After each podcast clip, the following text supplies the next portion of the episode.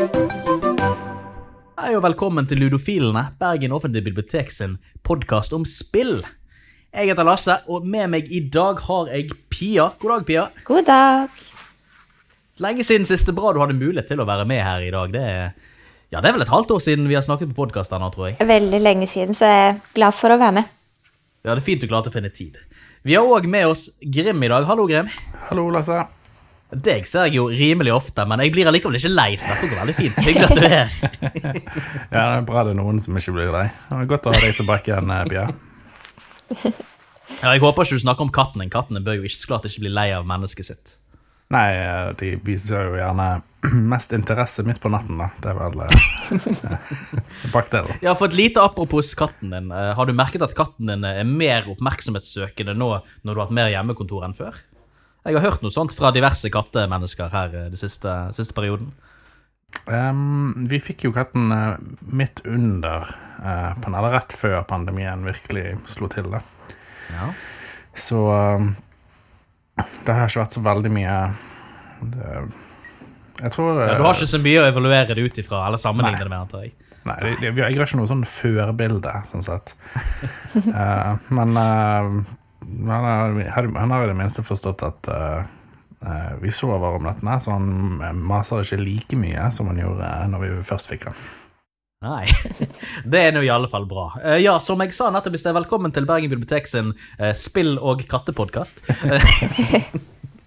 Nei, men temaet det vi skal snakke om i dag, er jo egentlig våre tidlige spillopplevelser. Og da tenker vi da tidlige spillmaskiner vi fikk når vi var unge, hva vi spilte når vi var unge, den type ting.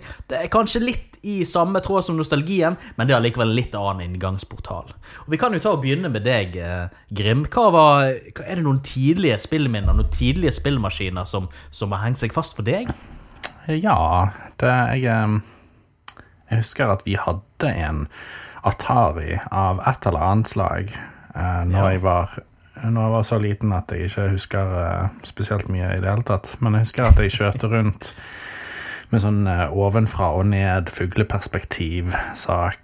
uh, racing-bil-spill som uh, gikk fra venstre til høyre. Det syns jeg var uh, strålende moro. Ja, Det var jo sikkert også rimelig primitivt, men eh, hvis du var ung og dette var en tidlig spillopplevelse, så var det vel det du ville ha.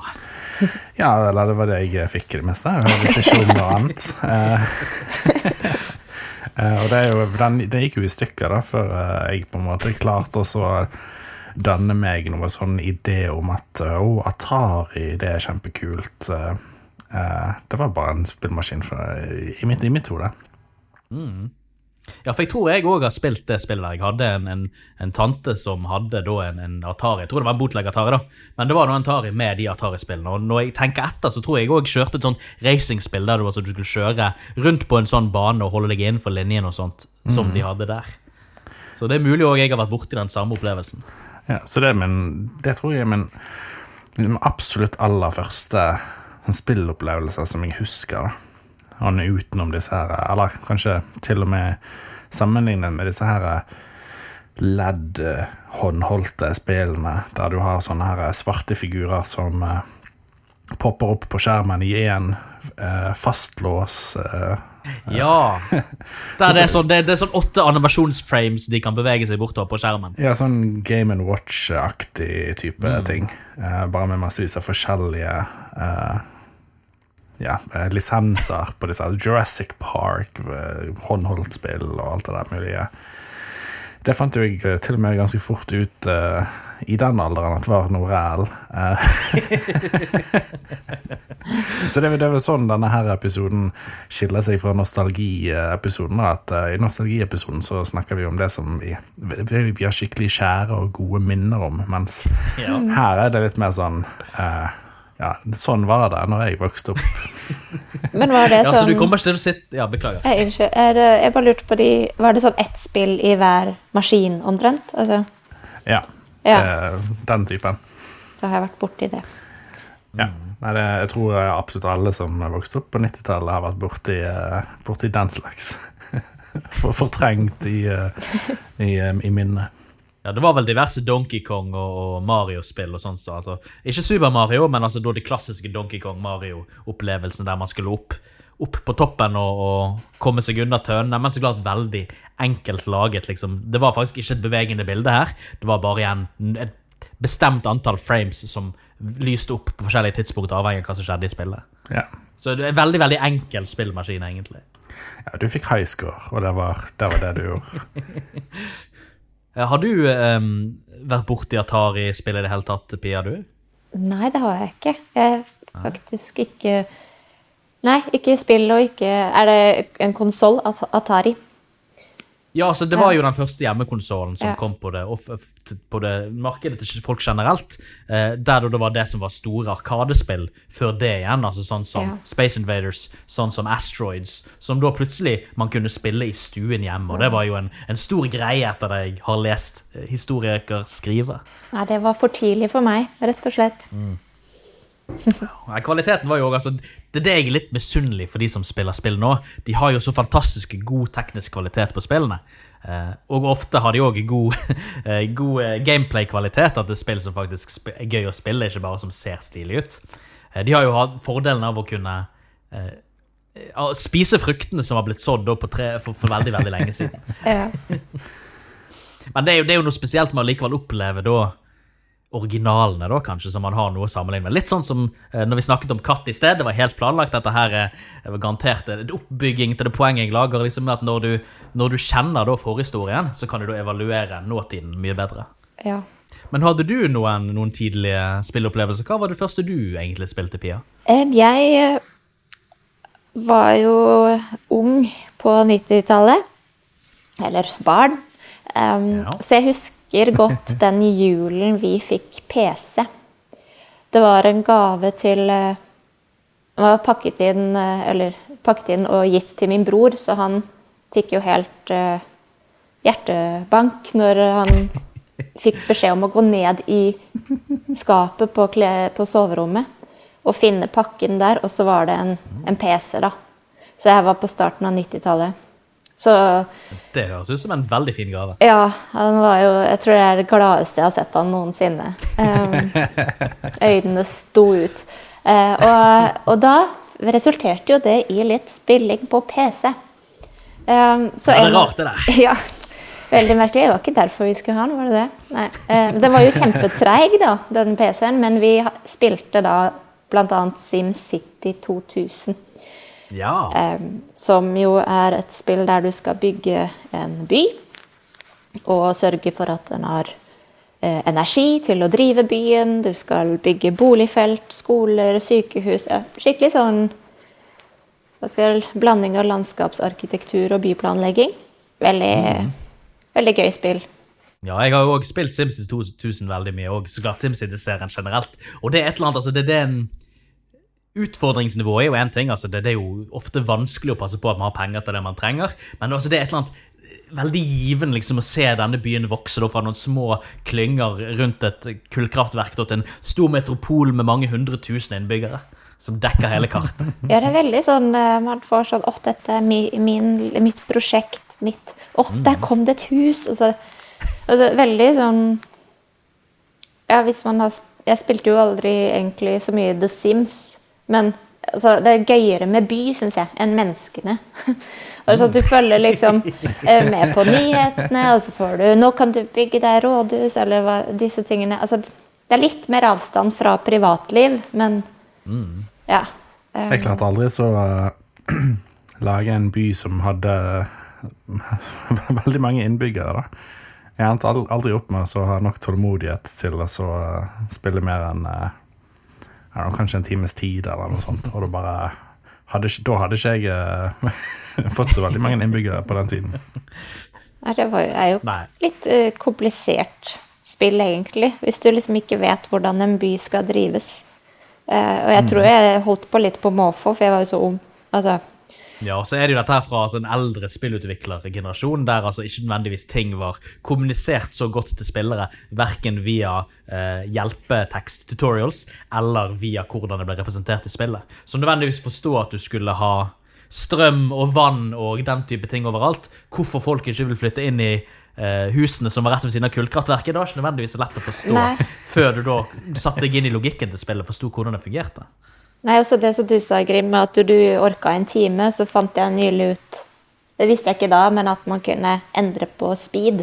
Sånn at man Ja. kunne få det i raskere modus. Og da er det jo selvfølgelig Går det litt fortere da med innflytting og sånn, hvis du har gjort det riktig. Så det er nesten sånn minutt for minutt, bygg en by. Eh, hvis du ikke bruker de funksjonene. Ja, men City Builders er Og jeg er veldig, veldig glad i den sjangeren med spill, altså. Eh, nå kommer det jo SimCity 4 for all det det er kanskje ti år siden allerede nå. Uh, men dere husker kanskje at det var noe fadeser rundt der. Det var jo um, uh, Det var jo egentlig da SimCity sluttet å være så veldig populært, fordi de forsøkte å kombinere noen online-funksjonaliteter til bruken av et singleplayerspill som begrenset det på veldig mange måter. Og så viste det seg òg at disse online-funksjonalitetene egentlig ikke hadde vært nødvendig for å kjøre spillet.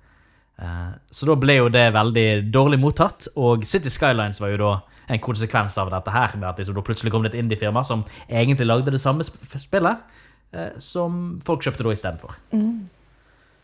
Så om det har kommet noe SimCity SimCity 5, kanskje det er kommet? Det har uansett ikke vært så stort, dessverre. Men det er jo gjerne ikke fordi spillet i seg sjøl har eh, gått nedom og hjem. Det er nettopp kun pga. at altså, utviklerne eller da eh, administrasjonen her har gjort noen dårlige businessvalg som dessverre har ført til at spillet har falt i popularitet, fordi de ikke vil forholde seg til alt tullet rundt. Jeg, husker alt, jeg er alltid litt sånn skuffet over at jeg kan ikke liksom Jeg kan ikke lage mitt uh, sånn ultragrønne sosialistiske utopia uh, i disse spillene, fordi at eh, da flytter liksom alle beboerne ut av byen og bare sånn Hæ, hva er det som skjer? Hvorfor vil ikke du bo, eh, bo i min flotte by? Nei, Man har jo noen idealer ikke sant, som man har lyst til å uttrykke. og så masse. Jeg syns jo boligfeltet var det fineste, så jeg ville egentlig ha mest av det. For det var så fargerikt og fint. Så ville jeg ha vann og så. Ikke sånne stygge ting som ga røyk. ikke sant? Så du, det er jeg helt enig i at folk vil ikke ha det, det fine og grønne. Ja, det, blir jo, det blir jo presentert som en simulator, dette, og simulatorer skal jo være rimelig virkelighetsnærme egentlig hvordan de fungerer, hvordan de representerer verden. Eh, Men det er jo så klart en type ideologi som ligger under her om at ok, for å ha en balansert by, så må man ha disse strukturene, man har disse eh, handelssammenkoblingene for at dette skal fungere. Og det er jo egentlig ganske ideologisk om at dette er nødvendig eller ikke. Så det vil alltid være et ideologisk plan som ikke nødvendigvis eksplisitt kommuniseres, men som liksom er, er underbygd i forståelsen av hvordan spillet fungerer. Eh, Sånn som Grim nevnte, du kan ikke ha en grønn, fin by eh, som ikke bruker eh, store fly for å få inn passasjerer, som ikke bruker kullkraftverk, fordi da har du nett, rett og slett, og vil ikke spillet fungere, fordi du forventer at du bruker disse. ja. Ak, Kanskje vi må ak, lage et ak, spill som heter Green City 2000. Og så er, eh, må du skjønne mekanikken som handler om at du får ikke folk til å bo der hvis ikke du har grønn energi. Altså, Ja, nei, Hvis du bygger husene ved siden av kullkraftverket, så flytter de rett og slett ikke inn. Og Sånn var det jo også i SimCity, så det er jo litt eh, tilknytning til virkeligheten likevel. Og når jeg nevnte City Skyline, så har jo de masse eh, sånne grønn energi-tilleggspakker og sånt, der man kan da eh, Du begynner jo så klart som en skitten by, men så tar du gå over da til fornybare ressurser eller fornybar energi etter hvert, og gjør det da til et grønt og fint sted. Aha. Så man har jo alternativer der ute som, som, der man heller da kan oppleve den grønne utopien, kanskje. høres interessant ut. Men det er jo også et sånt spill der man skal sitte seg ned og gjerne bruke ganske mange timer. Så hvis man nå bare spiller den første timen av SimCity 2000, så er det nok sikkert ikke nødvendigvis at dette vil ha den trekkraften som er nødvendig for å oppleve det. Nei, det er sant. Men ja, jeg kan jo ta inn på mine tidlige spillopplevelser. Eh, Når jeg var seks år gammel, eh, så kjøpte min mor en brukt Nintendo Nei, ikke Nintendo. En brukt Commodore 64 til meg, eh, med diskettstasjon. Før dette her hadde jo jeg bare egentlig vært vant med Commodore 64 med kassettspiller. Dere er vel kjent med den at man kopierte spill på Commodore 64 før ved å kopiere det på vanlig kassettopptaker. At man spilte, spilte lyden fra ene kassettbåndet til det andre. Ja. Og det var da sånn man kopierte spill. Kjempekult. Men dette her hadde du faktisk da diskettstasjon, eh, så det var jo veldig fancy, syns jeg. Eh, Og der eh, kom det med da en, en stor eh, boks med en haug med piratkopierte spill, og hver sånn diskett hadde sikkert 50 spill hver. Så det var, jeg hadde aldri sjans til å gå gjennom alle disse spillene. Det var altfor, altfor, altfor mange spill. Ja. Men jeg hadde likevel noen som sagt eh, satt seg igjen, da. Eh, Du hadde jo sånne klassikere, sportsklassikere som California Games og sånt. som var da eh, veldig populære på, i sin samtid. eh, som dessverre da ikke Jeg tror ikke de er gått videre eh, som spillserier. Eh, men det som virkelig hengte seg fast, var et spill som het Uglympics. Caveman Uglympics. Og det var da litt inni samme eh, eh, tanke som da eh, disse California Games. Men liksom du hadde et, et olympiadespill, men dette her var da sittet til steinalderen. Og det var da huleboere som skulle gjøre ting. Så var det masse forskjellige aktiviteter. For eksempel, du hadde at du skulle eh, klare å lage et bål med å gnisse to pinner mot hverandre. Eh, samtidig satt du ved siden av en annen person, så du skulle jo sabotere han med å slå han i hodet med da disse her pinnene du skulle gnikke sammen. Veldig, veldig gøy. Eh, Og så hadde du en lengdekast, men da brukte du da eh, veldig veldig kjønnsdiskriminerende. så tok du da eh, kjæresten din i fletten, snurret henne rundt og rundt som liksom med diskos, og kastet henne bortover. Og dette her var jo så klart The Prime Entertainment på eh, Jeg vil jo forvente at dette spillet kom på slutten eller midten av 80-tallet en gang, da. Men jeg opplevde jo dette her da rundt 1990. Ja. Har dere opplevd spilt noe særlig Commodore 64-spill, eller eh, kjent med de? Det er kanskje litt før deres tid? Ja, det er litt for tidlig igjen. Eh, langt, langt før min tid. eh. Ja. Det er, jeg har venner som snakker om, eh, om Commodore 64 og sånt, men eh, jeg har hørt om at man brukte kassetter for å så laste inn spillene, og at det tok, uh, tok litt tid. Eh, og at når man Ja, fikk disk og sånne ting, så uh, gikk det mye raskere. Ja, det er akkurat det med kassetter som, som det som holdt spillene altså Fremdeles er jeg veldig fascinert over hvordan det, hvordan det fungerer. Jeg, altså, det er sikkert ikke teknisk avansert, men for meg som ikke nødvendigvis vet hvordan teknikken fungerer der, så virker det veldig abstrakt. Liksom. Her har du, Det jeg er vant med kassetter, er at ok, her har vi, vi tar opp det vi snakker om på radioen. Eh, eller vi tar opp musikk og hører det på seinere. Liksom, ta opp et spill og spille det via kassett. Det er jo så rart. Ja. Nei, du, du laster jo det inn i, uh, i et korttidsminne, da, så Ja. Det er jo ikke man, eh, jeg, jeg, jeg har tenkt akkurat det samme som, som du sier der. Hvordan, hvordan kan du spille når du kan ikke gå tilbake Du rewinder jo ikke kassetten mens du spiller, så, men det er tydeligvis et eh, lite minne inni der som alt blir skrevet inn i, da, og derfor funker det. Ja, nei, Det er uansett veldig veldig absurd, syns jeg fremdeles. Selv om sagt, det er sikkert en enkel teknisk forklaring på det. Ja.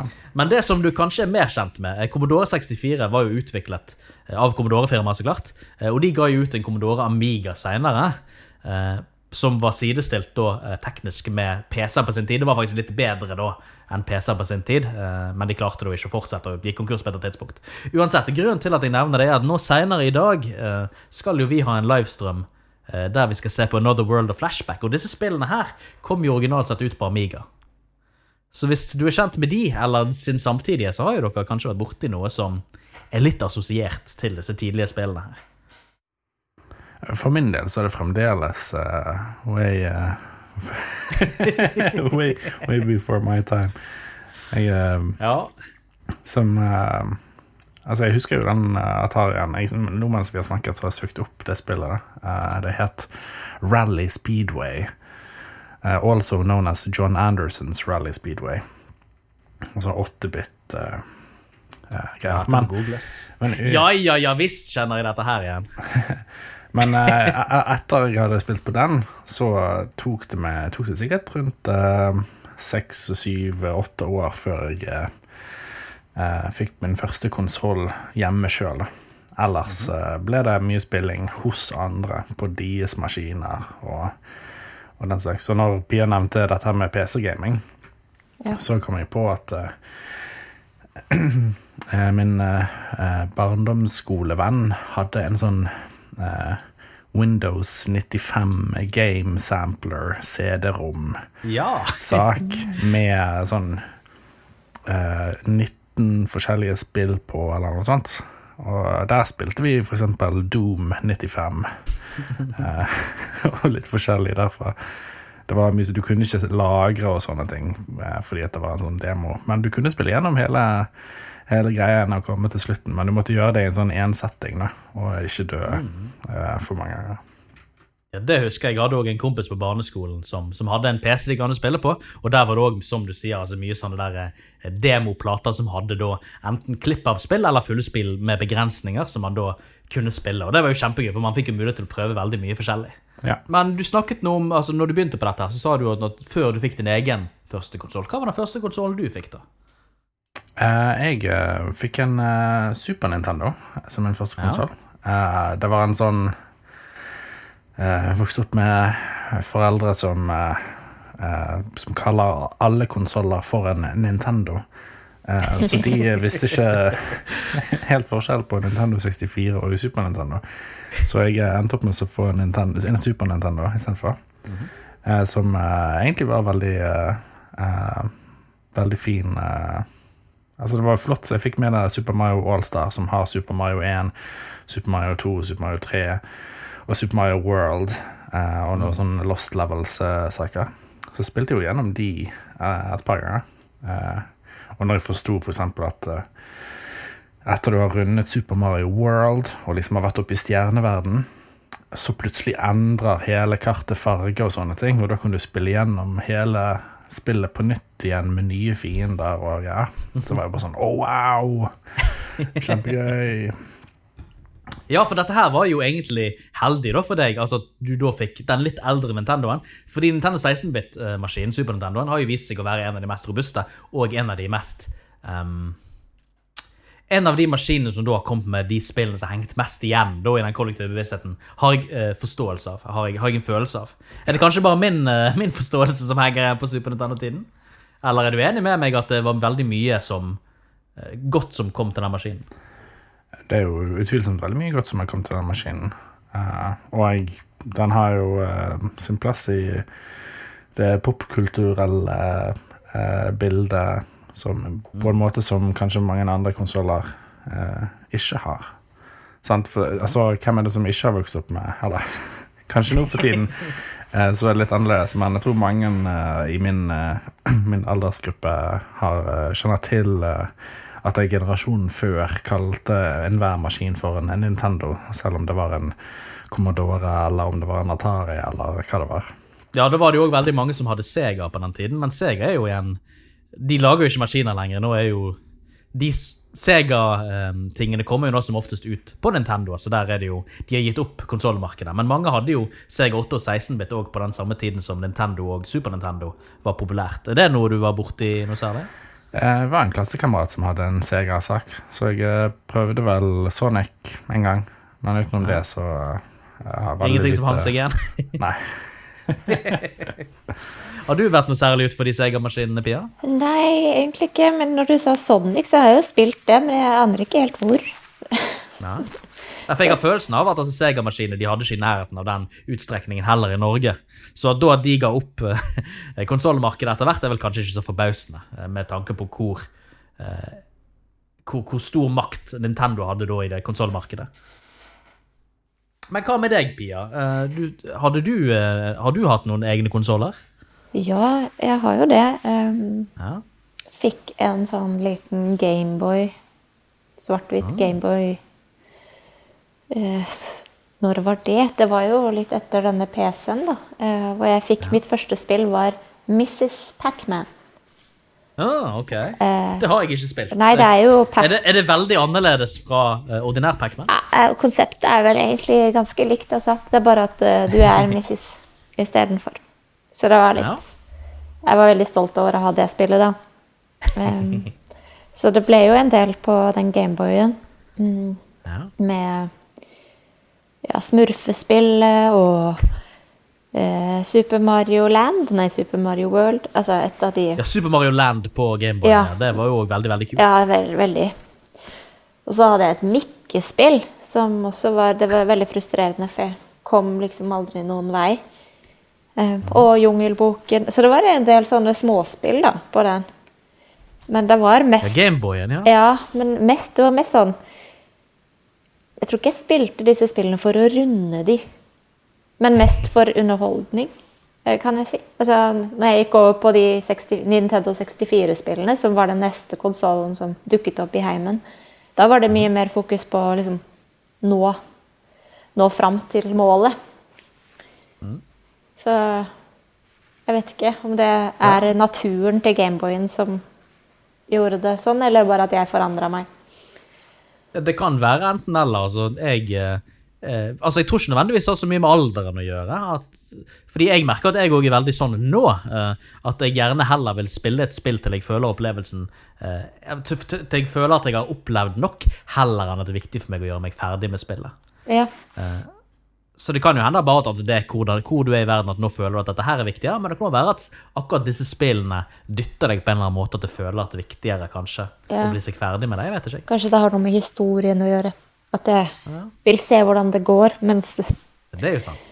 andre spill er mer sånn Neste level. OK, da Ja. kjører vi i gang. Ja, Nå skal ikke jeg påstå at historien i Mario-spillene nødvendigvis driver meg framover, men det er jo så klart, altså spiller man Zelda, spiller man Final Fantasy, så er jo fortellingen mye mer eh, Kanskje ikke Zelda, men Final Fantasy spesielt er jo fortellingen mye mer sentral. Man vil jo da ha en avslutning på historien eh, før man gir seg med spillet. Det er jo òg Jeg tror en annen ting at man Når man spilte disse spillene, så var jo man ung, og man hadde mye tid. Og hvis det var et populært nok spill, så var det veldig mange andre som snakket om spillet òg. Så det var nok mer en sånn kollektiv sak om at eh, det kan være kult å være en av de som har klart siste, siste nivået, eller noe sånt. Eh, eller eh, det er noen andre som snakker om det. Bare sånn, åh, det er kjempegøy å gjøre sånn og sånn. Og så går du tilbake og så spiller det mer fordi at du har lyst til å se. Å, er dette så kult? Hva er det de snakker om her? Og, Ja. Det er sikkert noe i det, for disse Gameboy-spillene var jo sånn jeg bare spilte hjemme. Jeg ikke snakka med så mye om altså, Snakket ikke med noen om de noe særlig. Bortsett fra broren min og sånn. Men når det gikk over til Selda og Da var det mye mer den man snakket om spillinga i tillegg. Så Ja, absolutt. Det kan godt hende da at altså, om det er en, en delt opplevelse på en eller annen måte, eller om det er da bare en, en veldig, en veldig egosentrisk, en, en selvfokusert opplevelse, vil jo sikkert kunne påvirke hvordan man ønsker å da spille spillet. ja. Om at det er viktigere å fullføre så man kan snakke om det som skjer seinere, hvis, hvis dette er noe som man gjør i en sosial kontekst. Men hvis du bare gjør det for din egen skyld, så er det jo Altså, Du trenger ikke tvinge deg til å spille et spill du ikke vil spille. Men dette her er jo veldig i live fremdeles, denne her at man ønsker å dele spillene. Man ser jo uh, YouTube er jo veldig veldig populært. Twitch er jo veldig populært uh, fordi folk ønsker å dele spillopplevelser og ta del i andre som spiller spill. Det er liksom sånn som at du går på besøk hos en kompis, selv om du ikke nødvendigvis spilte hele tiden.